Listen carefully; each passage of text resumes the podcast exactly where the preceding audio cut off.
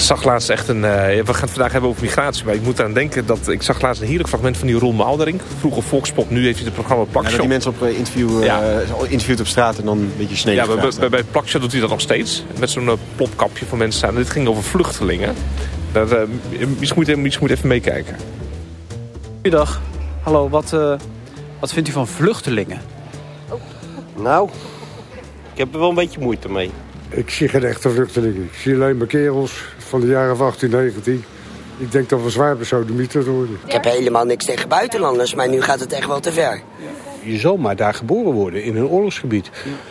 Of je kinderen niet te eten kunnen geven en vluchten. Dan verwacht je toch in een, eh, in een veilige omgeving terecht te komen. Je kunt je gezin niet te eten geven. Nou, ik zou er ook alles aan doen om het wel te kunnen. En als dat zou betekenen dat ik me eventueel nog illegaal in een ander land moet melden, ga ik het ook doen. Stel, u zou Nederland eh, verlaten omdat het hier zo misgaat in Nederland. Naar welk land zou u toe gaan? Spanje. Zou ik naar Spanje gaan? Waar ik naartoe zou gaan verhuizen? Nou, ik, ik denk Hongarije. Dat is nog ineens zo slecht daar. Want die, die eh, premier daar, die doet tenminste wat voor zijn mensen. Daar komen geen vluchtelingen binnen. Die worden bij de grens al uitgeschopt. Ik vertrek echt nooit. Nee. Dit is het mooiste land van de, van de wereld. Echt nooit. Wat, wat me opviel, eh, is, is dat de mensen die zeiden van... eh, ja, we hebben echt moeite met vluchtelingen die hier naartoe komen. Ehm, eh, dat die vervolgens op de vraag van zou je zelf vluchten ja zeiden. En ook met, inderdaad met iPhone en met, eh, met kinderen mee, zeg maar. En En dat, maar die eh, gast die dan heel tevreden over die iedereen wil opvangen zelf wel in Nederland wil. Precies. Ja. Ja. dus hoe dat... eh, volgens, waar- ik, volgens mij eh, toont dit aan gewoon hoeveel onderbuik er in het debat is. Ja, maar laat ik heel even eerlijk zijn. Ik weet gewoon eigenlijk helemaal geen klap af van het hele vraagstuk van asiel en migratie. Ik weet eigenlijk al niet eens hoe het nou precies zit met... Wat is nou een vluchteling? Wat is een asielzoeker? Wat Ja, is een statushouder. Ja. Wat is, Ja. eh, wat is het verschil Wanneer mag je werken? Wanneer mag Ja? je aan het werk? Eh, Wanneer, ben- en wanneer, mag je eh, wanneer krijg je nou een paspoort? Wanneer mag je Eh, stemmen? paspoort, gezinshereniging ja. is zo'n ding. Eh, vrij verkeer van goederen, eh, van mensen Ja. in de EU. En, en wie zit er nou in Ter Apel? Ja. Waarom is dat een crisis? Ja, waar, wanneer vind je inburgering plaats? Is dat iets wat je Ja, krijgt als je... Moet je daar doorheen voordat je Nederlander mag een worden? hoepeltje. Is het een hoepeltje? Ja. Ja, ik weet eigenlijk... Ja, dat is, eigenlijk- wel- Nee, dat is een en goed punt. Is dat, zeg je, Eh, ja. onderbuik, er zijn enorm Ja. veel mensen lullen erover. ja. Iedereen heeft er een, een soort van mening over. En dit lijkt me nou eigenlijk bij uitstek een onderwerp waar je de kennis eigenlijk heel laag is. Precies, en eh, zeker nu het eh, vrij eh, bot gaat over de instroom moet naar beneden. Over welke instroom hebben we het, hoe groot zijn die aantallen, hoe zijn de verhoudingen, groepen tot, hoe verhouden de verschillende groepen in die instroom zich Ja. tot elkaar. Dat was mij een hele hoop vragen. Ja, en die gaan we spreken migratie. met Tamar de Waal eh, van de UvA. Ja, Zij is... rechtsfilosoof en eh, is daar universitair docent. Ja. En eh, we, staan nu, Gepromoveerd op dit onderwerp. ja, we staan nu nog droog in station Weesperplein. Ja, want altijd als wij in Amsterdam staan, dan regent het. Ja, is dat veelzeggend? Van jou als Rotterdammer zal het iets zeggen misschien. Die Feyenoord hard bloed hier. De hemel helpt mee. Ja. Tamar, mooi dat we hier te gast mogen zijn bij jou. We hadden het net al even over, André en ik hier van tevoren. ehm, vluchteling, migrant, staatshouder. Eigenlijk is het hele debat rondom asiel en integratie zo eh, op onderbuik... dat denk ik al heel veel van zulke soort basale begrippen... al een beetje wazig zijn en allemaal dwars door elkaar heen gebreid eh, worden. Zou je misschien ons als eerste even een beetje een soort uh, ja, van uh, legenda kunnen geven? Welke termen zitten daar allemaal in dit, uh, in dit onderwerp? Ja, nou, er zijn er heel veel. Dus ik zal er een aantal noemen. Maar misschien komen we er in het gesprek nog wel meer tegen. Um, nou, op het dossier van asiel heb je natuurlijk een asielzoeker. Dat is iemand die is gearriveerd, bijvoorbeeld in Nederland. En wij hebben dan wetgeving dat iemand recht heeft op een individuele procedure. En tijdens die procedure is nog niet vastgesteld of iemand ook echt recht heeft op asiel. Dus die noemen we dan een asielzoeker. Uh, en ik inderdaad, die terminologie loopt vaak door elkaar. Dus vaak zie ik ook. Ik was laatst spraakmaker bij Radio 1. En toen hadden ze een, een, een, een, een titel gegeven aan mijn stukje. Uh, de inburgering van asielzoekers. Dat, ja. Oh nee, nee, dat is nou weer net de groep waarbij dat dan niet geldt. Hoewel sommige partijen wel voor inburgering voorstellen. Maar dat is weer een andere discussie. Want als iemand uh, een status krijgt. Dus dat betekent dat je recht hebt op asiel. Dat betekent dat je in ieder geval niet kan worden teruggestuurd naar het land omdat is vastgesteld waar je vandaan komt, omdat het is vastgesteld dat je daar gevaar loopt. Ja. Dan uh, word je een vluchteling. Uh, en in Nederland noemen we dat ook wel statushouder. Dus dat is hetzelfde. Ja. En we hebben verschillende wetgeving op basis waarvan je asiel kunt hebben. Dus je hebt het uh, vluchtelingenverdrag, maar je hebt ook artikel 3 van het EVRM, dus Europees Verdrag van de Rechten van de Mens. En het verschil daartussen is dat uh, op het moment dat je asiel krijgt op basis van het vluchtelingenverdrag, dan is het vaak zo dat jij individueel wordt vervolgd. Dus dat met naam en toenaam jij wordt gezocht, bijvoorbeeld. En artikel 3 van het Europees Verdrag van de Rechten van de Mens gaat meer over situaties van oorlog. Dus uh, algemeen uh, generiek geweld, waardoor personen gevaar lopen, maar het is niet per se persoonlijke vervolging. Nou, juridisch gezien vallen die onder de noemer van vluchtelingen statushouder onder dezelfde wetgeving, in ieder geval in Nederland.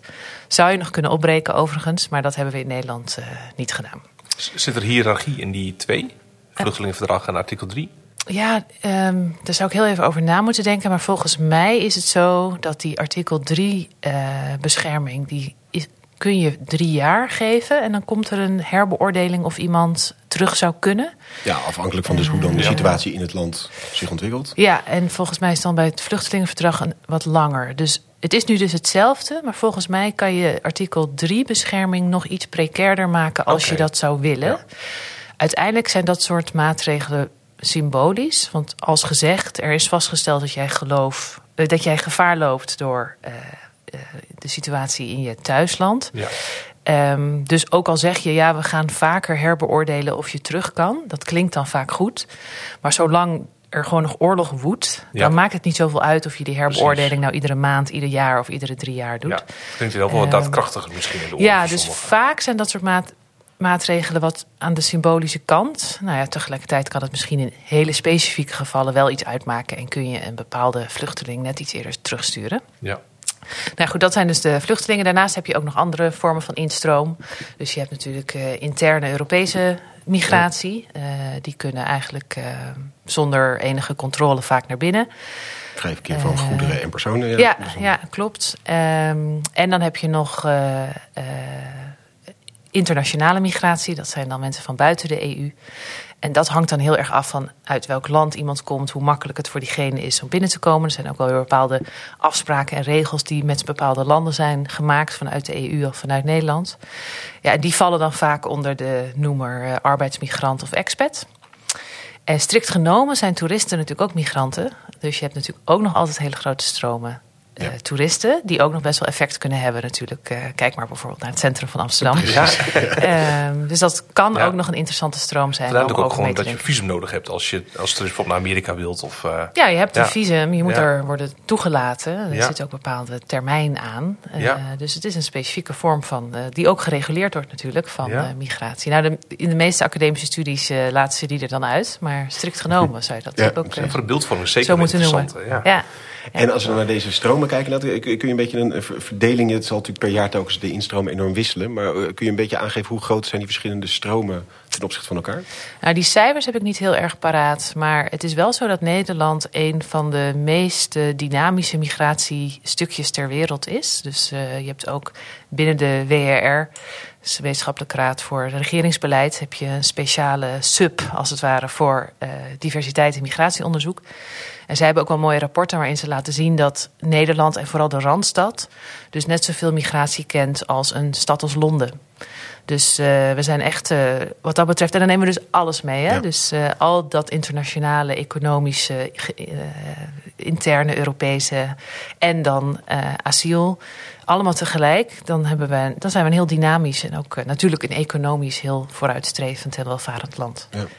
Maar uh, kun, je, kun je iets zeggen over die verhouding tussen die asiel en die andere migratiestromen? Is dat zeg maar ongeveer even groot? Zijn dat, is een hele andere orde van grootte? Het is moeilijk te vergelijken, ook omdat uh, asiel relatief lage aantallen zijn, zou je kunnen zeggen. Maar vaak blijven ze ook. Um, terwijl... Ja, onze expats die ja, komen natuurlijk een paar jaar... Ja. En, en helemaal toeristen. Ja. Maar, ja. En ik bedenk me nu trouwens dat ik een uh, migratiestroom ben vergeten. Uh, dus die moeten we ook nog even noemen onder de legenda. En dat zijn de gezinsmigranten. Ja. Uh, dus dat zijn mensen die bijvoorbeeld getrouwd zijn of gaan trouwen of hele naaste familie zijn. En dat zijn niet vluchtelingen waarvan de familie overkomt. Want dat valt weer onder de vluchtelingengroep. Dat worden dan nareizigers genoemd. Okay. Maar je hebt ook nog een groep die echt... het zijn vooral getrouwde stellen eh, die dan, eh, waarvan dan degene die in het buitenland woont een recht krijgt om naar Nederland te komen. En dat is dan iemand die hier dus vanwege werk bijvoorbeeld heen verhuisd is... en dan familie op een gegeven moment meeneemt. Nee, of een Nederlander die trouwt met Oh. iemand uit eh, Ja. Indonesië of de VS of zoiets. Ja. Dat is niet de zogenaamde gezinsherenigingsdiscussie, zeg maar. Maar dat gaat weer over vluchtelingen. Dat gaat, je zou het ook gezinshereniging kunnen noemen, maar als het over gezinshereniging gaat, dan is dat in de regel over asiel. Ja, precies. En dat zijn dus, dat is één van de gezinsleden in Nederland, die heeft een status gekregen. En dan heb je het recht om je heel naaste gezin, dus het is niet dat je neefjes en nichtjes of eh, ouders kan je ook niet laten overkomen, maar je, je man of vrouw of je, en je kinderen, die kunnen dan komen. Ja, precies. Ja. We hebben het in eh, dit seizoen heet het over eh, de spaghetti-samenleving... of het, bord spaghetti, van, waarin alle onderwerpen met elkaar samenhangen. Het wonen en eh, de, de, de, demografische ontwikkelingen... stikstofvraagstuk, eh, die biodiversiteitsvraagstuk. Goed, alles hangt met alles samen. En het lijkt niet goed te lukken om daar een goede knoop in door te hakken... of verder in te komen. Hadden het idee dat dat in, rondom asiel, in ieder met Ter Apel nu... en met de huizenvraagstuk daarachter zo... voor dit onderwerp eigenlijk nog wel in extremis geldt op een bepaalde manier. Herken je dat, dat het zo'n ja, ultiem bord spaghetti is wat, van waar alles samenkomt? Ja, heel erg. Ehm, ik probeer ook altijd eh, duidelijk te maken dat praten over migratie in koude getallen, van nemen we er 30.000 of nemen we er 60.000, dat is een heel vernauwde en niet zo heel vruchtbare discussie. Want hoeveel mensen je goed kunt opvangen en uiteindelijk ook misschien burgerschap kunt geven, hangt natuurlijk heel erg af van hoe je basis eh, en infrastructuur is van je maatschappij. Dus hoe is de arbeidsmarkt, hoe zijn de woningen, hoe gaat het met de algemene vertrouwenscijfers, hoe is het onderwijs. Ehm, dus ja, je kunt veel minder mensen opnemen als je natuurlijk er zelf niet zo goed voor staat. Eh, en ook als je dan mensen opneemt en het pakt dan later niet zo helemaal uit als je had gewild. Dat kan dan helemaal op het bordje van die mensen worden geschoven. Maar er kunnen natuurlijk ook een aantal structurele problemen aan ten grondslag liggen. Dus ik zou altijd betogen dat we dat veel breder moeten trekken. En inderdaad ook zoiets als in Ter Apel. Sommige mensen noemen het een migratiecrisis. Ik denk ook alweer dat heel vaak is verteld dat het een opvangcrisis is. En dat er veel factoren meespelen. Maar je ziet daar inderdaad dat de combinatie van ehm, nou, de woningcrisis. dus de grootste aantal, eh, het grootste probleem waarom de asielzoekerscentra vol zitten, is omdat mensen die een status hebben gekregen en daarmee eigenlijk de volgende fase in zouden moeten gaan. Met onder andere het krijgen van een woning, dat die niet kunnen uitstromen. Dus de asielzoekerscentra zitten vol met mensen die een status hebben en er eigenlijk niet meer zouden moeten en hoeven zitten. Ja. Ehm, En, en wat voor looptijden hebben we het dan over dat die mensen daar nodeloos blijven zitten? Nou, toch al jaren. Ja. Jaar tot langer. Ehm, dus dat is één. Ehm, Ja, en dat is even voor duidelijkheid. Dus dan heb je dus, was je asielzoeker, ben je ge- geïdentificeerd als vluchteling.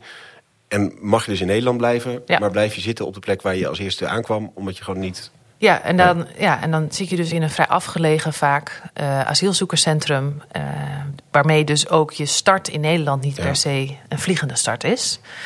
Ehm, Want als vluchteling zou je bijvoorbeeld ook mogen werken als je eenmaal die status hebt. Dan kun je ook gewoon participeren in de Nederlandse Ja, zeker. samenleving. Ja, dus nou goed, daar gaan we het misschien ook nog wel over hebben. Dus eh, eh, vluchtelingen in ieder geval dus van buiten de EU, die moeten zo'n inburgeringstraject in. Tegelijkertijd wordt ook erg van hen verwacht dat ze gaan werken. Dus de nieuwe inburgeringswet is ook met een work first eh, strategie. Dat was ook in het Engels zeiden ze dat ook steeds. Eh, zit daarachter. Maar tegelijkertijd is het halen van de inburgering best intensief. Dus het is lastig om en een veel eisende baan te hebben. En dus die inburgering binnen drie jaar te halen.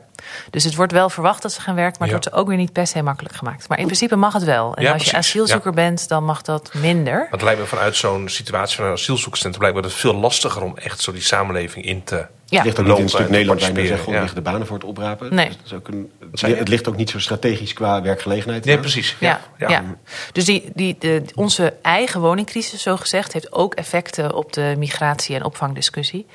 Ik denk ook dat eh, de instroom van Oekraïners natuurlijk eh, een grote rol speelt. Dus heel veel gemeenten hebben wel opvanglocaties voor eh Oekraïners.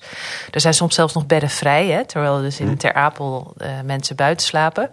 Maar tegelijkertijd, gemeenten die daar al veel voor doen, die hebben dan ook wat minder tijd en ruimte om dan deze eh, asielcrisis op te vangen. Nou, en het gebrek aan solidariteit tussen gemeenten om dat altijd samen te doen. Nou, daar is nu die nieuwe wetgeving voor die dat misschien gaat oplossen. Hoewel mij nog niet helemaal duidelijk is hoe dan precies. Tenminste, volgens mij is dat niemand duidelijk. Want toen ik hoorde hoe eh, Van den Burg het eh, verdedigde, kon hij ook niet heel duidelijk maken wat nou precies de sancties waren en wanneer die zouden intreden. En als de gemeentes geen, geen locaties hebben, dan duurt het misschien ook nog een hele tijd voordat die locaties zijn ingericht. En voordat ze daadwerkelijk kunnen meedraaien in zo'n opvangcyclus. Ja, maar in ieder geval de toon is gezet. Dat er dus Ja. Precies, eh, ja. meer Druk opgezet wordt van ja, dat dat ja. niet meer helemaal een lokale aangelegenheid is, maar dat het toch verwacht wordt van gemeenten dat ze dat eh, doen. Ja. Eh, en dan denk ik ook dat we in Nederland een hele lange periode hebben waarin migratie en ook zeker niet-Europese migratie, vluchtelingen, eh, een politiek onderwerp zijn geweest, ook op een negatieve manier. Dus ik denk dat daar ook wel effecten nu van te zien zijn. Dat eh, Ter Apel daarom. Want het is eigenlijk fascinerend natuurlijk dat de instroom niet eens historisch hoog is. Ehm, Maar de problemen maar de wel problemen historisch wel groot. hysterisch, historisch, hysterisch ook misschien wel, maar Ja. historisch groot. Ja. Eh, dus daar zie je ook een soort van ongemak en ook onwil om dit Ja. echt eh, op te lossen. Is het sowieso niet als we het vaak over crisis hebben, nu, laten we nu een opvangcrisis noemen, dat ten diepste is het altijd een politieke crisis? Nou ja, dat denk ik wel. Eh, ik denk zeker als je naar de langere termijn kijkt. Ik bedoel, dit is ook zeker. eh, ja, ik vond het zelf. Vorig jaar was eh, Ter Apel natuurlijk al eh, aan de gang. En eh, er was ook veel discussie hier binnen de wetenschap. En toen was er ook een bepaalde periode dat Lowlands werd georganiseerd. En dat was echt ook de, een van de piekmomenten van die hele Ter Apel-discussie. En veel van mijn studenten gaan naar Lowlands, dus daar vertellen ze dan ook over. Maar dan vertelden ze ook dat eigenlijk binnen no time zo'n gigantisch complex wordt opgebouwd. Hè? Tenten, slaapplekken, eh, sanitair, nou noem maar op. En tegelijkertijd was het onmogelijk om bij Ter Apel die 200, 300 mensen die daar Ja. lagen, om daar een tent voor neer te zetten. En de tentjes werden verboden, die uiteindelijk door vrijwilligers daar neer werden Ja. gelegd. Ja. ja, daar heb ik de ins en outs nooit helemaal van begrepen. Want dat was dan een veiligheids- of hygiëne Brandveiligheid geloof ik, met die, met die, maar goed, bij Lowlands staan dezelfde tentjes, Ja. zou je kunnen zeggen. Ja, Ja, maar je, je ziet natuurlijk Ja. vaak bij dit soort dingen dat. eh, volgens mij was het ook in 2015 zo dat. Toen waren er volgens mij in bepaalde delen van het land te veel vrijwilligers. die ze geen plek konden geven om al die vluchtelingen te helpen. Dus daarvan, vandaar ook mijn, mijn stelling van. volgens mij is het een politieke crisis. omdat die samenleving vaak veel dynamischer. en veel veerkrachtiger blijkt dan wat de politiek inschat, lijkt het wel eens. Je denkt dat de politiek het, het, het ehm, wat pessimistisch inschat allemaal. Ja, als je ziet wat er vaak eh, aan initiatieven uit de samenleving eh loskomen. En je hebt natuurlijk ook, ook altijd de onderbuik die meespeelt. Maar volgens mij is het vaak. eh, ik vraag me af of, of de samenleving niet veerkrachtiger Maar we is. zien dan toch ook, dat was ook allemaal denken. 2015, die eh, eh, al- allemaal dorpen en ook steden waar dan allemaal boze dingen werden geroepen. En dan van ze komen onze vrouwen verkrachten. En dan vervolgens Ja, daar zeker. moet een piemo inroepen als er een vrouw het woord nam. Eh, maar daar die massa's heb je ook allemaal gezien. Dat waren, klopt. Dat waren niet mensen die met eh open armen Nee, dat klopt. Maar ik denk dat de politiek daar banger voor is. En, en minder zich richt op de, op de mensen die zich en masse als vrijwilliger hebben aangemeld. Ja. Nou moet ook gezegd worden van dat soort gemeenten dat eh, er ook wel een aantal journalistieke reportages zijn geweest een aantal jaar later. Wel journalistiek, ik heb er geen eh, academische onderzoeken naar gezien. Maar dat die journalistieke reportages vaak laten zien dat eh, zo'n gemeente dan uiteindelijk zegt: Oh, er is helemaal niks gebeurd. Het was Ja. eigenlijk wel oké. Dus ja, dat zijn inderdaad wel vaak sentimenten en angsten vooraf. Ik heb Ja. nog niet heel veel data gezien. Wel bijvoorbeeld dat bepaalde eh, specifieke groepen binnen die asielzoekers, die dus, eh, dat worden dan eh, mensen die dan eigenlijk geen enkel recht zullen hebben op asiel ooit, uit Algerije of Marokko. De veilige landers zijn dat? De veilige landers, ik zocht het woord even, ja. En die schijnen dan in verschillende Europese landen neer te strijken en steeds gebruik te maken van die asielprocedures. Nou, die asielprocedures kunnen ook vrij lang duren. Dus dat is ook nog een Ja. van de facetten op het spaghetti-bord, een van de slierten. Eh, Ja, dus dan, dan, je zit, kan in Ter Apel zitten en een status hebben en dan heel lang moeten wachten. Maar daarvoor heb je daar ook al heel lang gezeten. ja, Omdat het heel lang duurt voordat je die status krijgt. Ja, en als je daar dus cynisch in zou zitten, dus stel je weet, ik krijg geen status, maar ik wil gewoon weer een jaar ergens kunnen verblijven. Nou, van dat groepje wordt wel eens gezegd dat ze dan eh, eh, ja, stelen of in het openbaar vervoer onrust creëren en dat soort dingen. Ehm, dus ja, dat is natuurlijk ook een beleidsprobleem. eh, Of eh, een echt probleem. Maar in ieder geval, ik zie niet zo heel veel onderzoeken dat die aantonen van ja, die asielzoekerscentra zorgen echt voor verhoogde onveiligheid of problemen. Maar het is wel een sentiment. Ik denk niet alleen in de politiek, dus dat ben ik met jou eens. Maar ook wel, eh, dus op het moment dat die instroom er is, dat het ook wel leeft onder de burgers. Ja. Daar zou ook dat, dat, dat ge- gebrek aan regie, dat, de beleving van gebrek aan regie misschien in meespelen. Dat vanuit de politiek hoor je alleen onzekerheid. Ik kan me voorstellen dat je als burger denkt van wat overkomt ons hier? Kunnen wij dit aan als samenleving? Ja, er zit natuurlijk. Ja, dus het voelt een beetje dat de grenzen dan niet goed beschermd zijn of zo, dat mensen binnen kunnen komen. Dat de belofte van het vluchtelingenverdrag misschien ook uh, ingewikkeld. Hè? Dus uiteindelijk kun je niet op basis van het vluchtelingenverdrag zeggen, of dan artikel 3 EVRM, maar hetzelfde regime. Van ja, zoveel komen er maximaal. Dat Nee, kan je toch niet heel goed zeggen als politicus. Nee. Ehm, of je kan het wel zeggen, maar je kan het heel slecht waarmaken. En, eh, dus dat heeft misschien ook een soort van effect dat mensen dan denken: ja, hoeveel komen er dan? Ja. Ehm, En zeker Ja. nu, nu de politiek zelf, eh, daar worstel ik zelf mee. Ik ben benieuwd naar jouw perspectief daarop. Eh, de- je ziet nu dat bord spaghetti, al die crises zich aan elkaar rijgen, zeg maar. En in de politiek wordt nu gesproken over het terugdringen van de instroom. En dat Ja. is vaak niet echt gedefinieerd. Dus er wordt volgens mij weinig onderscheid gemaakt tussen vluchtelingen en arbeidsmigranten. Is het ook niet een gevaarlijke strategie als we het hebben over onderbuik? Eh, door nu die crisis waar de politiek voor een groot deel zelf verantwoordelijk voor is, nu toch af te schuiven op instroom, waarbij misschien toch een groep mensen verdacht wordt in de samenleving. ja, ik denk het wel. En eh, met instroom indammen wordt meestal wel de asielstroom bedoeld. Precies, Eh, ja. Dus ook als je ziet. niet op een tax op het aantal tax eh, zetten op het aantal expats. Van ach joh, krijgen we weer Nee. en er mensen uit eh, Amerika over die komen werken voor een multinational. Daar eens ASML. op. Nee, Ja. nee, precies. Nee, ik zie daar de discussie helemaal niet over Nee. gaan. Dus eigenlijk de groep waar je eigenlijk geen regie op kunt hebben, want je hebt de wereldsituatie niet helemaal in de hand. Dus vluchtelingen, ja, die hebben het recht om te vluchten en hebben ook recht op status. Dat, dat vertroepelt dan de discussie door daar zo de focus op te leggen, lijkt mij. Maar misschien ben ik daar wat naïef in.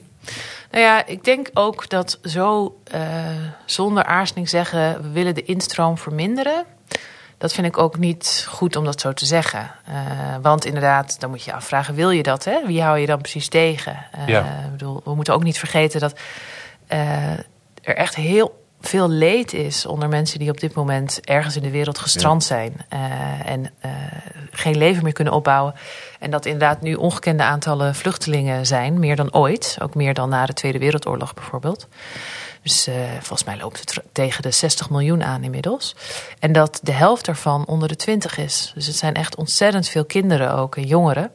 Dus ik denk echt dat daar ook een humanitair vraagstuk is. Tegelijkertijd denk ik dat je ook kunt zeggen. Eh, Nederland kan niet de hele wereld opvangen. Eh, daar moet dus eh, internationale samenwerking komen. en ook zeker Europese samenwerking. Ja. En ook die angst van ja, hoeveel komen er precies binnen? Ik denk dat je dat veel meer kunt adresseren ook als je goede internationale mechanismen daarvoor hebt. En op Europees niveau daar goed in samenwerkt. En ergens, ja, ik ben natuurlijk al jarenlang actief in dit debat. En Ja. soms hoor ik mezelf zo praten dat ik echt zonder overdrijven sinds 2015 Ja. dus al bepaalde argumenten uitleg.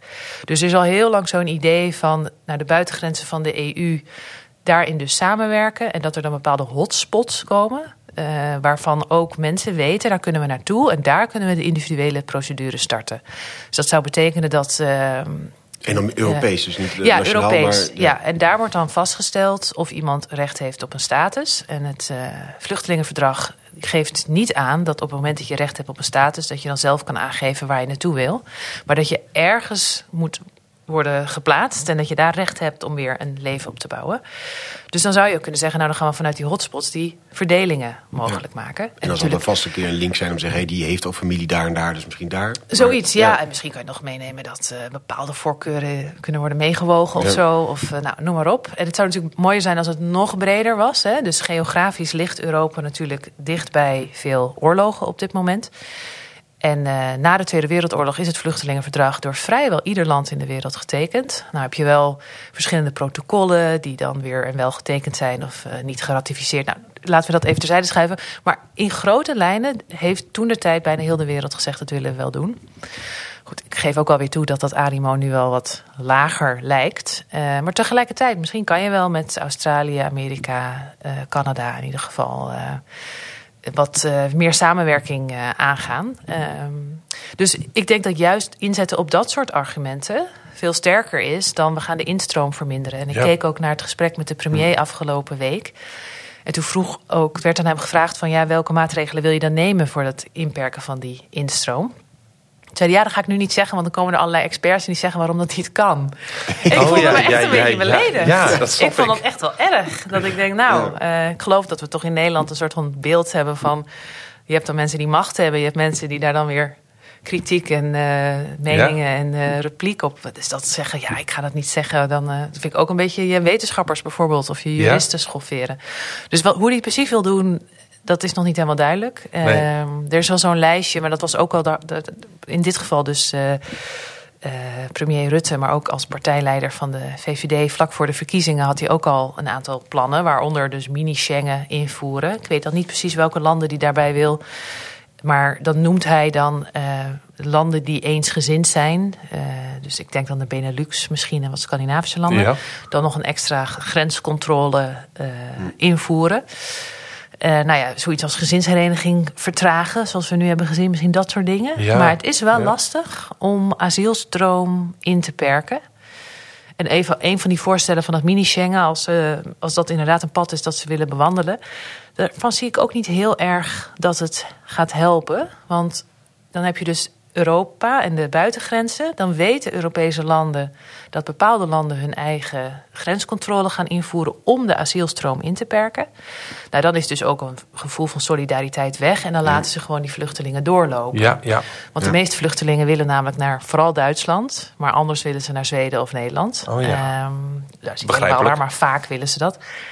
Um, nou ja, en dan lopen ze door tot aan de grens. En wij hebben wetgeving dat als ze aan de grens staan, dat ze recht hebben op een individuele procedure. Oh ja. ja. Dus uh, volgens mij kan je wel uh, andere migratiestromen uh, makkelijker inperken door te zeggen van ja, we gaan meer grenscontrole doen. Dus bijvoorbeeld arbeidsmigranten zou je makkelijker kunnen beperken, omdat die geen humanitaire reden hebben ja.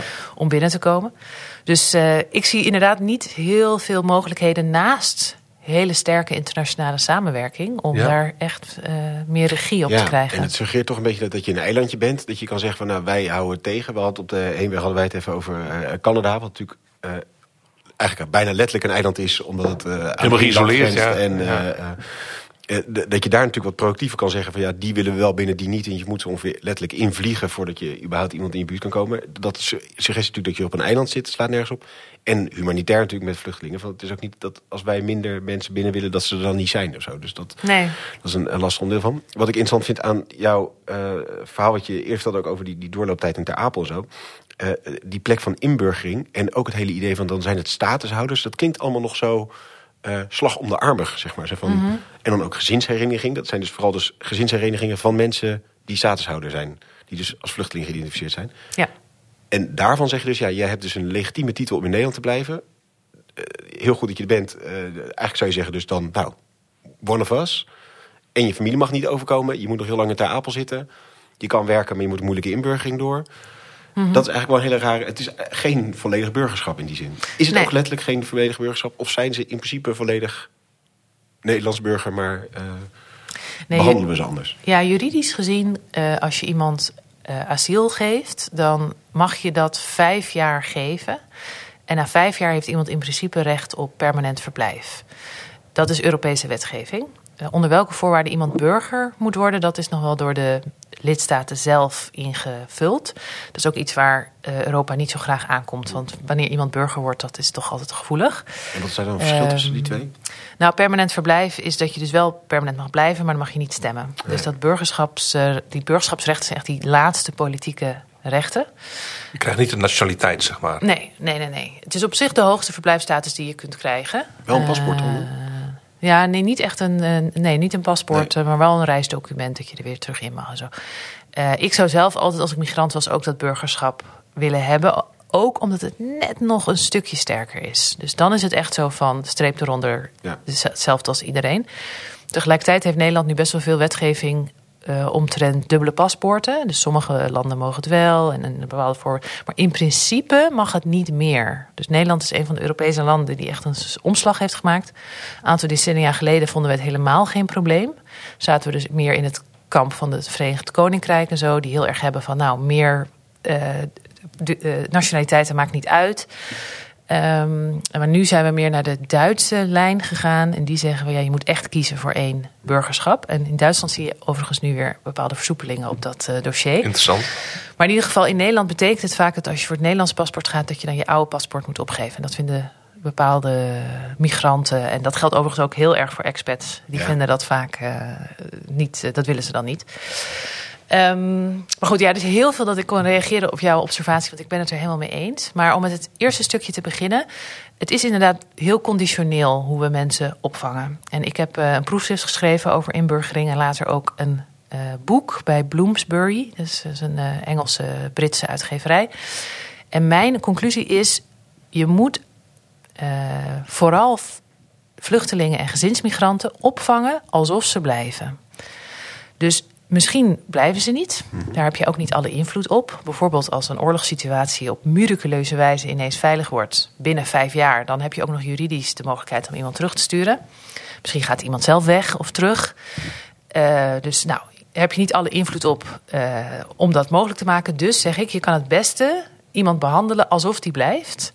Het is eigenlijk haast speltheorie, hè? Want de, de Ja, slechtste uitkomst is dan dat iemand in Oekraïne bijvoorbeeld of in eh, Syrië best goed Nederlands spreekt. Ja. Uiteindelijk. God, dat is erg zijn. Dat is Ja. de allerslechtste Ja. optie. Eh, terwijl in het huidige systeem, waarin we dus toch die conditionaliteit blijven eh, ophouden. eh, van nou, we gaan nog even kijken of u mag blijven. En eh, nou, inderdaad, eh, wachten op een huis. En ehm, ja, uw kinderen moeten nog een tijd in eh, Syrië blijven, bijvoorbeeld. Ja, dan is dus. En dan is misschien de hoop dat ze uiteindelijk misschien sowieso teruggaan. Maar dan is de slechtst mogelijke optie dat ze dus hier blijven, omdat ze toch die juridische rechten hebben. Maar niet goed zijn gestart. Ja. En dus dat er eigenlijk heel veel zonde, ja, jaren zonde zijn geweest. En dat het veel beter had gekund. Ehm, dus ik probeer mijn proefschrift uit te leggen dat daar juridische redenen voor zijn. Dus eh, zoals ik al uitlegde, eh, in principe is het zo dat iemand die vijf jaar legaal verblijft in een Europees land, dus ook Nederland, heeft recht op permanent verblijf. Dus iemand is op weg naar dat permanente verblijf. Eh, en dan probeer ik ook meer normatief, filosofisch uit te leggen dat het wenselijk is in een democratie dat iedereen die ergens langdurig verblijft, permanent verblijf heeft, ook burgerschap heeft. Ja. Dus het is niet alleen iets dat iemand eh, moet verdienen. Het is uiteindelijk ook iets waar iemand recht op heeft. Want je bent onderdeel van een samenleving. Je leeft onder bepaalde wetgeving. eh, je moet eh, inspraak hebben in die wetgeving die van jou van toepassing is. En het is ook, zou ik zeggen, ten dele een plicht. Op het moment dat je ergens woont en leeft en dat je participeert, kan je niet helemaal afdwingen. Ook uiteindelijk mensen die burgerschap krijgen bij. Eh, Geboorte. geboorte is het ook een ideaal dat Ja. ze zich committeren. Maar uiteindelijk is dat wel wat het algemene gevoel en wat de overheid uitdraagt. eh, zou, dat zou het moeten zijn. Van nou, we willen iedereen die hier is, dat die eh, actief en ook in, staat is tot. Dus dan Ja. moet je ook weer nadenken over scholing. En ik zie dus ook inburgering heel erg als een emancip- emancipator beleid. Dat is het op dit moment niet per se. Maar ik denk dat eh, dat allemaal onder dezelfde eh, paraplu zou moeten vallen. Dus we hebben publiek onderwijs voor jongeren. Dat is ook tot op zekere hoogte verplicht. Eh, kinderen, jongeren. Maar dat is ook met het idee dat ze dan uiteindelijk ja, zichzelf kunnen ontplooien en democratisch burger kunnen zijn. Nou, op die manier hebben we ook migranten die later binnenkomen.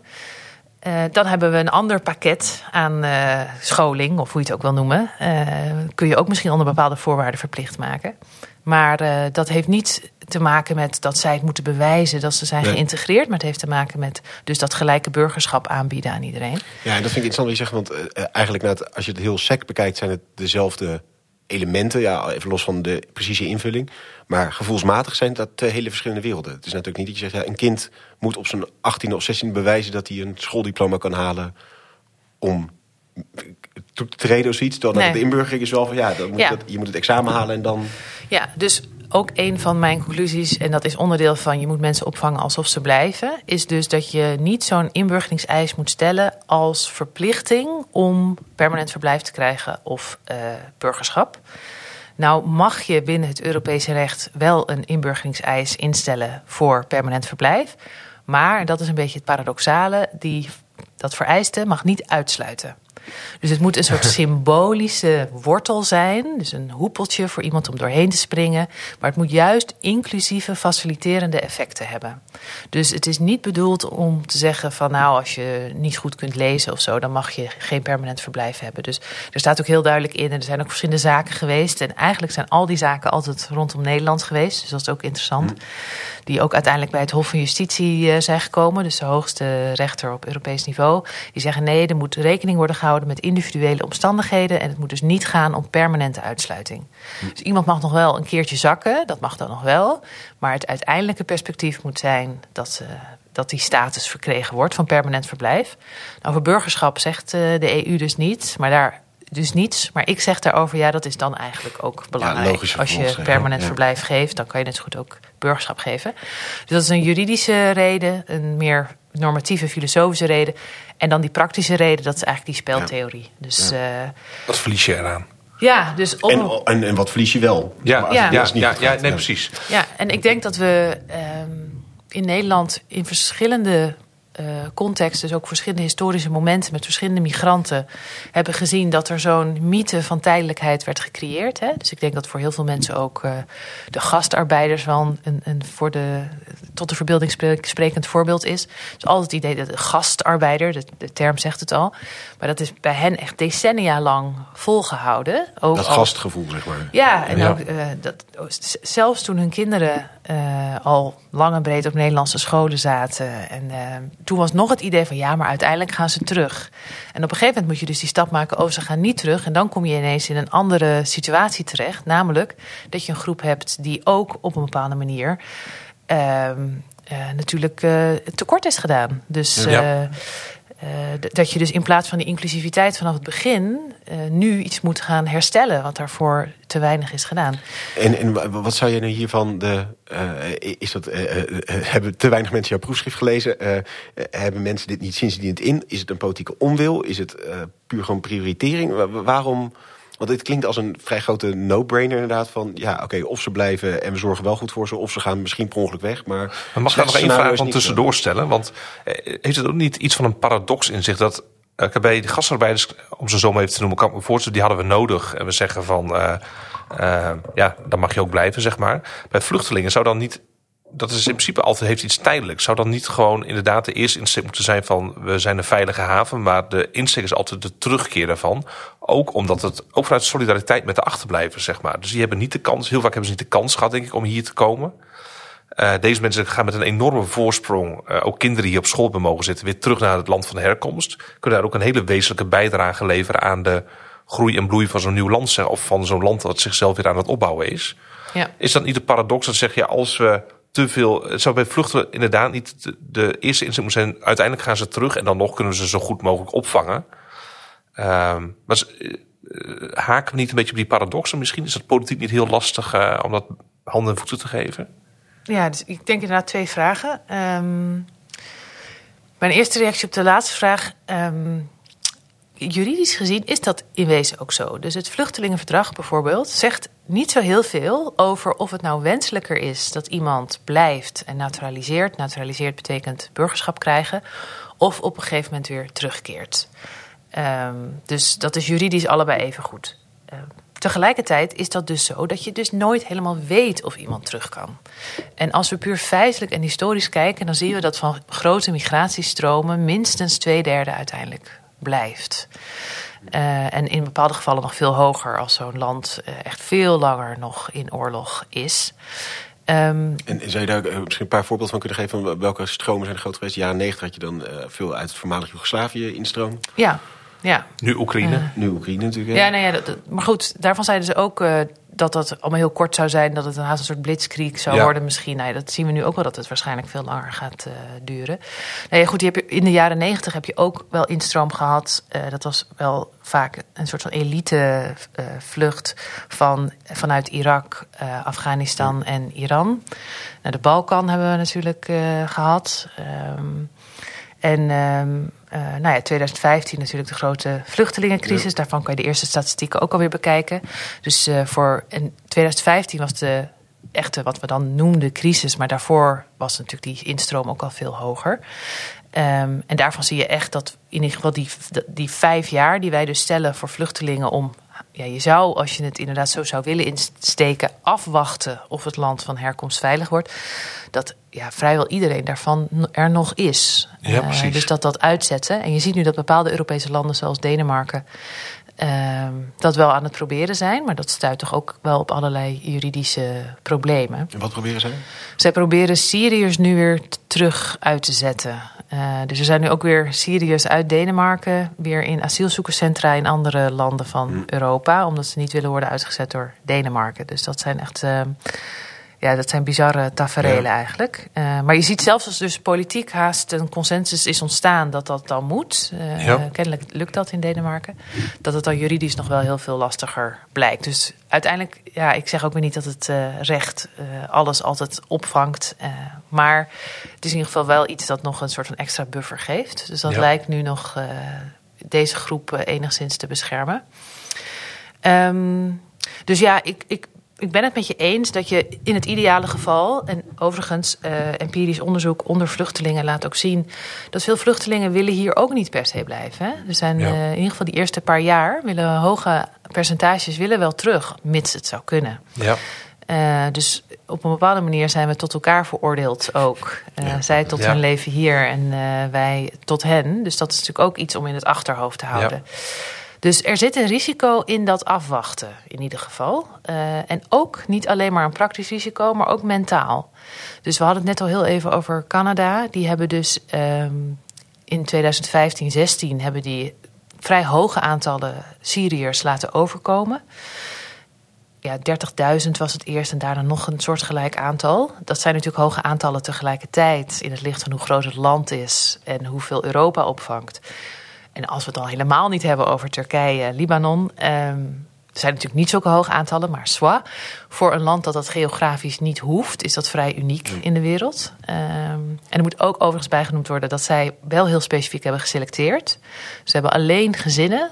Uh, dus, uh, en man, uh, als het dan alleenstaande mannen zijn, dan zijn dat vaak mensen met een queer achtergrond. Dus oh ja. mensen die om die reden bijvoorbeeld in bepaalde opvangcentra, ook in de regio, onveilig, uh, onveilig, zijn. En waarvan dan de Verenigde Naties een soort selectie doet van deze groep heeft uh, vrij snel hulp nodig. Ja, in ieder geval. Uh, ik zou zelf ook zeggen, het is toch ook wel weer cru om gewoon alleenstaande jongens van 20 nooit toe te laten. Maar ja. er zit natuurlijk ook alweer bepaalde gedachten achter. Maar in ieder geval, uh, Canada heeft toen gezegd: jullie komen hier naartoe en we geven jullie meteen permanent verblijf. Dus uh, waarschijnlijk was er daarna ook nog wel een programma hoor, om Canada en Engels te leren. Voor zover dat nog nodig was. Maar, um, Gelijk alle onduidelijkheid aan de kant, zeg maar. Ja, dus dat ja. element van uh, als jullie willen blijven, wij zijn gecommitteerd aan jullie. Uh, en waarschijnlijk uh, moeten jullie ook blijven gezien de situatie in Syrië. Maar dat heeft natuurlijk wel, dat geeft een soort mentale boost. Ja. Dus ik denk ook nog even los van de meer praktische vragen die je dan krijgt. Dus wat voor huizen geef je iemand waarvan je denkt dat hij tijdelijk blijft? Of ja. ga je investeren in iemands uh, taal? Of ga je iemand zo helpen om te werken op zijn of haar niveau? Of laat Ja. je iemand een ander soort baantje doen, omdat het toch maar tijdelijk is? Dat zijn allemaal praktische vragen.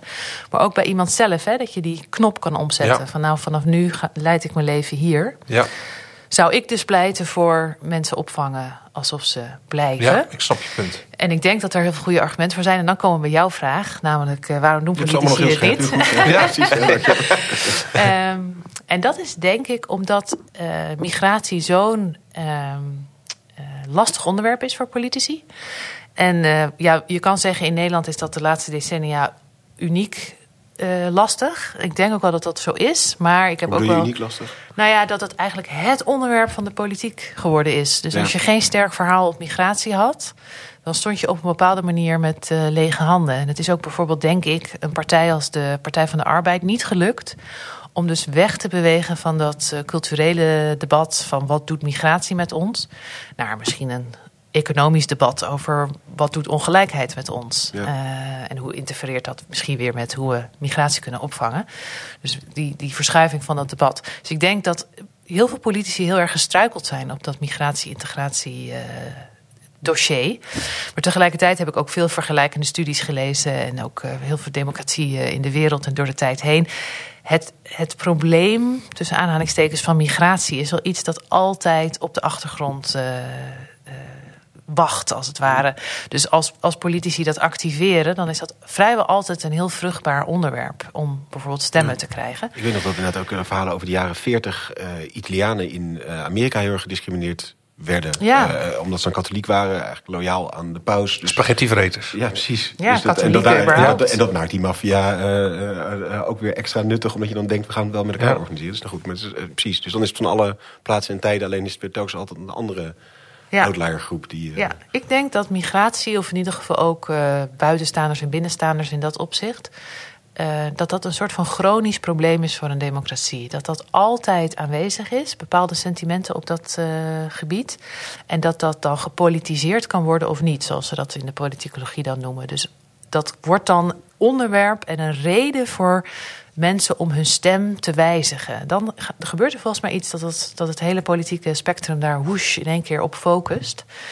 Dus eh, je zou misschien hopen dat er een politiek eh, ethos is onder politici om dat dossier dus niet zo aan te raken. Nou, daar zijn we natuurlijk ver vanaf Ja. op dit moment. Ik denk dat eh, een heel aantal partijen hun bestaansrecht ontlenen Ja. haast uit eh, migratie. En dat ook middenpartijen daar heel erg op reageren. Daar kunnen we het misschien straks ook nog even over hebben. Maar ehm, ik denk dat een effect van dus die verschuiving... en dat het zo'n lastig onderwerp is... dat het voor veel politici niet zo'n heel goed verhaal is... om te zeggen, ja, gezinshereniging en vluchtelingen... daar kunnen we eigenlijk niet zo heel veel aan doen. Daar kunnen we dus die instroom niet van bepalen. Dus, en tegelijkertijd is dat wel een beetje zo. Want Europees gezien, eh, of Europees rechtelijk gezien, kunnen we daar niet zo heel veel aan doen. Zou je natuurlijk weer uit de EU kunnen of heel veel stennis gaan trappen in de EU. Maar de meeste partijen willen dat toch ook weer niet. Nee. Dus wat is dan de next best thing? Inburgering. Ja. Want inburgering Ja. mag juridisch wel. Ehm, dus je mag eisen voor permanent verblijf eh, invoeren. Nogmaals, mogen dus niet uitsluiten, maar dat wordt dan een beetje onder Ja. het tapijt gemoffeld. En dan klinkt het Stoer. alsof. Ja. ja, Ja. Daadkrachtig. ja, alsof Ja. het moeilijker is om in Nederland te blijven. Alsof het moeilijker is om Nederlander te worden. Dat er iets wordt, ge- iets wordt gedaan aan migratie. Ehm, dus ook in mijn proefschrift laat ik zien dat in Nederland hebben we sinds 1998 verplichte inburgeringsvereisten. En eh, het is sinds die tijd twintig keer veranderd. Dus dat is eigenlijk in 20 jaar, 20 wijzigingen het inburgeringsbeleid. En dan tel ik echt alles mee, want het is ook drie keer volledig, eh, dus een hele nieuwe wet Ja. gekomen. Maar je hebt ook net een extra eis, taaltentamens waarvan, of examens waarvan de niveaus omhoog gaan. Deadlines die worden vervroegd. eh, een participatieverklaring, dat is een soort van document met Nederlandse Ja. waarden die dan getekend moet worden. Nou, Met een ceremonieel momentje. Dat je ja, dan- precies. Eh, dus als je alles bij elkaar veegt, dan is het dus twintig keer in eh, twintig jaar. Maar dat had dus wel altijd eh, dat er reden was voor een journalist om te vragen aan de staatssecretaris of minister, ligt een beetje aan wie er dan verantwoordelijk voor is. Van, nou, waarom heeft u dit gedaan? En dan werd er zo gezegd, ja, nou, Nederland, Nederlanderschap is belangrijk. En, wat op zich misschien ook allemaal zo is, hè, Nederlanderschap is belangrijk. Maar of dat nou de manier is, nou ja, goed. Maar dan is het toch lastig om dus ook in de media, maar misschien ook wel als wetenschapper, om te laten zien: ja, maar je voert nu iets in voor mensen van wie we al hebben gezegd dat ze gaan blijven. Ja. Dus je maakt het eerder moeilijker voor mensen die uiteindelijk waarschijnlijk blijven. En dat is een gekke beleidskeuze. Ja, en dat is eigenlijk dus inderdaad het inherent gevolg van dat het dus een maatschappelijke behoefte is aan eh, streng zijn op, op eh, asiel. Dat kan niet. En dus ga je maar de grenzen opzoeken van waar je dan nog op sommige plekken een beetje kan schuren en, en ja, die stoerheid laat zien. Ja, precies. En dat heeft uiteindelijk dus inderdaad, ja, goed, inderdaad heel sec geredeneerd hele negatieve gevolgen. Ja, Of want die inburgering, eh, daarvan is wel... Dus de nationale ombudsman schrijft daar meerdere rapporten over. Het eigen wetsevaluatie, dat is dan uitgevoerd door Significant, was heel negatief. Het eerste rapport dat erover verscheen was van de Algemene Rekenkamer. Dus die had meer economisch perspectief, maar die lieten ook zien van ja... eh, het is nog wel een soort van investering, maar die komt helemaal niet terug op deze manier. Dus eh, er is niemand die eigenlijk zegt dat die inburgering goed werkt. Nee. Dus dat is ook, en zelfs Arjen Lubach heeft er een vrij veel bekeken clipje over de inburgering gemaakt. Eh, en die liet ook wel een soort van politieke compilatie zien dat iedereen is het op een bepaalde manier ook wel weer eens dat die inburgering goed moet werken. Eh, maar ja, dan gaan ze dus toch weer van dit soort dingen invoeren, waardoor dat dus vooral de verantwoordelijkheid heel erg op de schouders van de statushouder wordt gelegd. Eh, ook voor de gezinsmigranten overigens, die moeten ook verplicht inburgeren. Eh, dus, en dat het eerder moeilijker wordt dan makkelijker. Ja. Als we dit nou kijken, van dit, dit- het bord spaghetti, we zoeken telkens eh, naar een, eh, een mes om dat, eh, Ja, te, dat te snijden. door de, perspectieven. Wat, heb je wel internationale voorbeelden of, of historische voorbeelden waar je zegt, god, daar, dat zijn wel eh, ingangzetters. En misschien is dat een haakje om toch nog even Oekraïne erbij te halen. Want daar zie je natuurlijk wel een hele andere omkering uit. Ook wel het beeld van het duurt een paar weken dat mensen hun huizen openstelden waar dan wel mensen mochten verblijven. En volgens bleek het toch allemaal wat langer te duren. Maar kan ergens Oekraïne daar een soort positieve impuls zijn in dit? Dat je denkt van, hé hey, jeetje, eigenlijk eh, kan het best wel positief zijn als we in mensen investeren en achter gaan ze weer terug of niet. Ja, wat wat Zou- leren we van onze eigen houding? Ja, ja, precies. ten opzichte van Oekraïners? Ja, nou, het is natuurlijk fascinerend geweest, ook voor- voor bijvoorbeeld mij en andere experts die bezig zijn met migratie, om te zien dat er ineens zo'n enorme andere instroom is gekomen. Tenminste, enorm. Het valt in mijn opzicht nog wel mee, maar eh, als je kijkt naar de cijfers van andere instromen, is het groter. Dus er zijn op dit moment 80.000 Oekraïners in Nederland. Ehm, en toch wordt dat cijfer niet zo geproblematiseerd. Dat staat gewoon in de krant. En dat is niet dat mensen dan denken: wow, wat is dat veel. Terwijl we ook hebben gezien dat in de discussies over de spreidingswet en de asielwet. ehm, of het asielakkoord, dat eh, er dus werd gesproken van 50.000 asielzoekers, waarvan dus nog niet eens is vastgesteld of ze allemaal kunnen blijven, maar in ieder geval iets van opvang geregeld moet worden. Daar was meteen heel sterke reactie op. Dus ook dat de VVD dus zo'n crisis had, niet zo lang geleden. En dat dus inderdaad ook een van de kernpunten die daarnaar, daarin naar voren kwam was... ja, we moeten iets doen aan de instroom. En dat ging niet over de Oekraïners. Precies. Dus ehm, je ziet inderdaad dat dus die sentimenten, maatschappelijke en politieke sentimenten, enorm verschillen. Eh, en dus ook die inburgering waar ik bijvoorbeeld mijn boek over geschreven heb. ehm, die, daar vallen de, de Oekraïners niet onder. Dus die hoeven die verschillende taaltentamens en die, eh, die trajecten hoeven zij niet te doen. En ze mogen eh, direct de arbeidsmarkt op. En ze kunnen ook direct volledig instromen in onderwijsinstellingen. Ehm, en eh, er wordt ook wel voor, hen flink gewerkt aan, aan huisvesting. Ehm, dus het is wel interessant om te zien dat dat hele integratiedebat, dat dus zo eh, dominant is geweest de afgelopen decennia, dus toch ook wel heel erg een cultureel-etnisch component heeft. Dus het heeft wel echt te maken met nou ja, mensen uit eh, het Midden-Oosten, ik denk ook wel mensen uit Afrika. Maar als we dus uit, uit eh, een ander andere deel van de wereld, dan komen al diezelfde reflexen die we heel erg hebben niet zo op. Ehm, en de eerste onderzoeken naar eh, hoe de Oekraïners het doen, laten wel zien dat bijvoorbeeld het vinden van een baan dus eh, vrij goed gaat. Ehm, en ik hoop dus, en ik, eh, ik schrijf ook columns voor de Groen Amsterdammer. ehm, en ik heb ook één column geschreven waarin ik zeg van ja, het bestaansrecht van de inburgering staat op het spel. Dus, dus op de een of andere manier een, ja, een natuurlijk experiment, zo zou je het kunnen noemen, Ja. ontstaan. Iets wat je natuurlijk nooit durft te doen, Nee. ethisch. Eh, maar je vangt verschillende groepen op totaal andere verschillende manieren op. Zijn natuurlijk ook andere groepen qua achtergrond en eh et cetera, kunnen we het ook nog over hebben. Maar tegelijkertijd kun je wel zeggen van nou stel bepaalde dingen bij die Oekraïners gaan veel beter. Al is het maar ze voelen zich beter. Ja. Eh, ze voelen zich meer geaccepteerd en ze konden sneller op een eigen manier invulling geven aan hoe ze het hier wilden aanpakken. Ja, dat moeten we natuurlijk terugkoppelen aan die inburgering voor die andere migranten. Werkt het in Duitsland ook niet zo dat je veel eerder aan het werk kunt dan in Nederland? Ja, ik moet zeggen dat Duitsland wel een lastig land is op een bepaalde manier. Dus het- ik vind het ook weer te makkelijk om te zeggen dat Duitsland echt het voorbeeld is. Oké. Eh, dus Duitsland heeft best wel ingewikkelde inburgering ook bijvoorbeeld. En ook om, Nederland, om Duits burger te worden is lastig. Ook historisch eh, ook altijd heel gevoelig geweest. Ehm, maar het is in ieder geval wel zo dat na de grote instroom eh, van eh weer Schaffendas... dat er wel heel erg veel... eh, de kant is opbewogen om eerder mensen eerder toe te laten tot de arbeidsmarkt. Ja, precies. Ja. ja. dus die, dat, dat, dat sentiment is er nu wel. En waar wij dus nog een beetje ambivalent zijn op dat gebied... denk ik dat de Duitse regering op dit moment heel erg zit op... nou ja, mensen behandelen alsof ze blijven. Dus ik denk dat dat positief is. Ja. Ja. Ehm, maar ik denk overigens nog even over de Oekraïners. Eh, het is ook weer te makkelijk. En jij maakte zelf ook net al even een korte opmerking om te zeggen... nou, die Oekraïners die worden echt opgevangen zoals, alsof ze blijven. Dus onder mijn eh, raamwerk. Want eh, juridisch gezien hebben zij dus een hele tijdelijke status. Dus ook een Europese richtlijn. Dat heet tijdelijke bescherming, what's in name. Eh, en het idee daarvan is in eerste instantie dat het zes maanden is. Dat kan dan verlengd worden naar drie jaar. Eh, maar ja, dan houdt het ook een beetje op.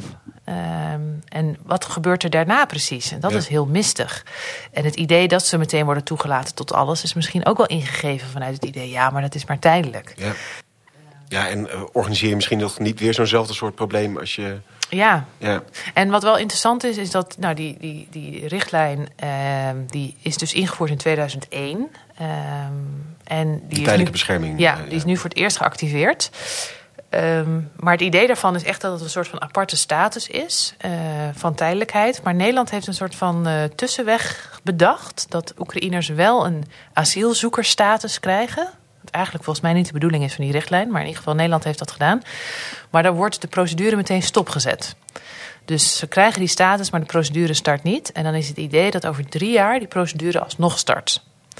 Dus een mogelijke uitkomst zou kunnen zijn dat ze dan toch de procedure ingaan, dan toch statushouder worden en dan alsnog moeten inburgeren.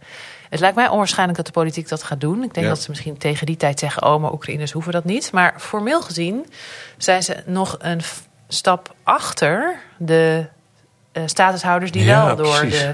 Dus juridisch gezien zou je zeggen dat de niet-Europese vluchteling een sterkere status heeft. Maar meer maatschappelijk politiek en qua eh, inclusiviteit zijn de Oekraïners misschien weer beter af. Dus het is wel een soort van puzzeltje. ja. Ja. Dankjewel, ik vond het ontzettend interessant. En Ik vond het echt een goed eh, soort college-achtig. eh, Ja, ja, ja. We hebben gewoon al onze vragen op tafel. Het was spaghetti ontward zo. Ja. ja.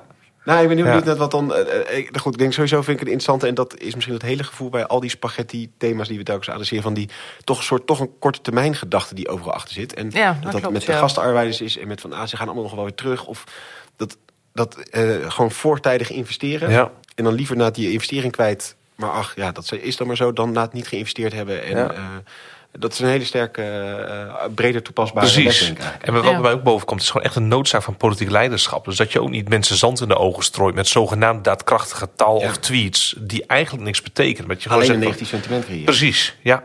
En mensen bevestigen in hun onderbuik bijvoorbeeld. Ja. Ja. Dus eh, als, als het de status niet wezenlijk verandert, maar dat klinkt alleen maar stoer. Waar, waar zijn we dan mee bezig? Dan kun je beter het eerlijke verhaal vertellen en zorgen dat we het echt goed hebben samen. Ja, ja en ik, ik vind ook dat ja, immigratie is een onderwerp dat altijd op de agenda zal staan, denk ik. Eh, dus hoe, in welke tijd eh, je ook leeft. Ja. En het is ook wel echt een groot vraagstuk. Dus eh, je hebt soms ook wel inderdaad mensen die zeggen... ja, het is alleen maar goed of eh, we worden alleen maar beter af of zo. Ik weet niet, dat zeggen we ook niet over... weet ik veel, binnenlandse zaken of Nee. eh, economische zaken. Van, Het is "Ah, het is altijd alleen goed." maar goed. Nee, het is gewoon een heel... Is een basisdossier dat Ja. altijd speelt. En daar moet je goed over nadenken. Ja. En er gaat ook wel eens wat mis. En- En dan, in mijn meest relativistische momenten vind ik de politieke werkelijkheid ook gewoon zo gek. Dat ik denk van ja, wij zijn toevallig hier geboren. Wat, wat doet zo'n grenzen toe? Waarom zou ik hier wel mogen zijn? En an- maar goed, ik snap dat de politieke werkelijkheid een andere is met normen en grenzen. En, maar het is eigenlijk een heel, het is ook een raar construct als je er wat dieper over nadenkt. Van, ik zit hier en jij zit daar. En, Nee, dat is helemaal waar. Ja. En ook als je vaak mensen ontmoet. Gewoon, weet ik wel, een of andere Syrische vrouw die vastzit in Turkije. Ja, dan weet ik gewoon niet wat ik moet zeggen. nee, precies. Nee. Dus als je echt elkaar aankijkt, dan is het al helemaal absurd. Ja, wij hebben helemaal geen recht op dit leven. Nee. Ja. Nou, daar gaan we nog een keer Ja, eh, vind ik zo, Nee, maar, eh, ik, ik ja. snap wat je bedoelt. In ieder Ja. geval, ik weet niet of we er geen recht op hebben, maar we moeten niet vergeten dat het een Niet totale ten opzichte van anderen. is. Ja, precies. Ja, ja, En, eh, we hebben echt de loterij gewonnen. ja Als absoluut. je een keer een slechte dag hebt. Ja, ik, ik ben tenminste eh, geboren met een paspoort dat eh, Precies. mij heel veel mogelijkheden biedt. Ja. Ja. Dankjewel. Het slotwoord is aan professor Dr. George Haring. Onze discussie over vluchtelingen en asielzoekers is volledig juridiseerd. Woorden als statushouder en verblijfsvergunning liggen ons in de mond bestorven en we steggelen over de juridische criteria die iemand tot vluchteling of asielzoeker maakt. Alsof we allemaal geboren juristen zijn. De werkelijkheid blijft echter steeds op afstand van de tekst van de wet en wij, wij verschuilen ons achter die wet. Die hang naar het juridische heeft te maken met onze poging om grip te krijgen op een proces waarop geen vat te krijgen is. De grootste moeilijkheid voor beleidmakend Nederland is dat we pas halverwege met het vluchtelingenprobleem te maken krijgen. De vluchteling die zich aandient in ons land heeft al een vlucht achter de rug. Om een onbekende reden en uit een onbekende situatie. die vaak ook nog eens buiten ons voorstellingsvermogen ligt. De vluchteling staat domweg voor onze neus. En dan? De juridisering helpt ons maar gedeeltelijk verder. De vraag is hoe we omgingen voordien, voor die regels, voor het Vluchtelingenverdrag van 1951 of voor de gebrekkige regelingen van de Volkenbond, voor de Tweede Wereldoorlog. In het najaar van 1914 kwam naar schatting een miljoen Belgen naar Nederland, dat op dat moment ruim 6 miljoen inwoners stelde. Eén op de zeven mensen in ons land was een gevluchte Belg, gevlucht voor oorlogsgeweld. En in het zuiden van ons land was die verhouding nog opmerkelijker, want de meeste Belgen verbleven onder de rivieren. Wie moest die mensen helpen, die ineens opdoken in onze straat, zonder bed, bad of brood? De overheid, roepen we nu in koor. Maar de overheid was hier niet op ingesteld. En de politiek beschouwde de opvang van vluchtelingen ook niet als haar taak. Ook de kerken zagen niet vanzelfsprekend een rol voor zichzelf weggelegd. Vluchtelingen helpen, die recht voor de neus staan, dat moesten de burgers zelf doen. De inwoners van Brabant en Limburg. En ze deden het ook. Want vluchtelingen zijn mensen. Hetzelfde was het geval toen duizenden Duitse Joden in de jaren dertig naar ons land vluchtten. De overheid en de kerken deden weinig. Joodse vluchtelingen opvangen, dat deed de Nederlandse Joodse gemeenschap. Vluchtelingen werden geholpen met daden van liefde in hun omgeving. In de doopsgezinde kerk in Middelburg werd in najaar 1914 maandenlang geen kerkdienst gehouden. Het was een schuilplaats geworden voor Belgen die anders door de stad zwierven. Op particulier initiatief. Niet de juridische regel ging voorop, maar de barmhartigheid. Nu is de situatie omgekeerd en houden de juridische regels de vluchteling op afstand. Maar waar de barmhartigheid kwijnt, kwijnt de samenleving. En dat benadeelt niet alleen de vluchtelingen, maar evenzeer onszelf. Aldus professor Dr. George Haring. Heel hartelijk dank voor het luisteren naar deze aflevering van Bram. Volgende keer gaan we in gesprek met Mirjam Sterk over de Amerikaanse tussentijdse verkiezingen en over de hele politieke cultuur in Amerika en ja, in hoeverre dat ook begint door te sijpelen naar Nederland. Zeker een aanrader. Abonneer dus vooral. Laat een positieve review achter als je dat kan. En heel graag tot de volgende keer.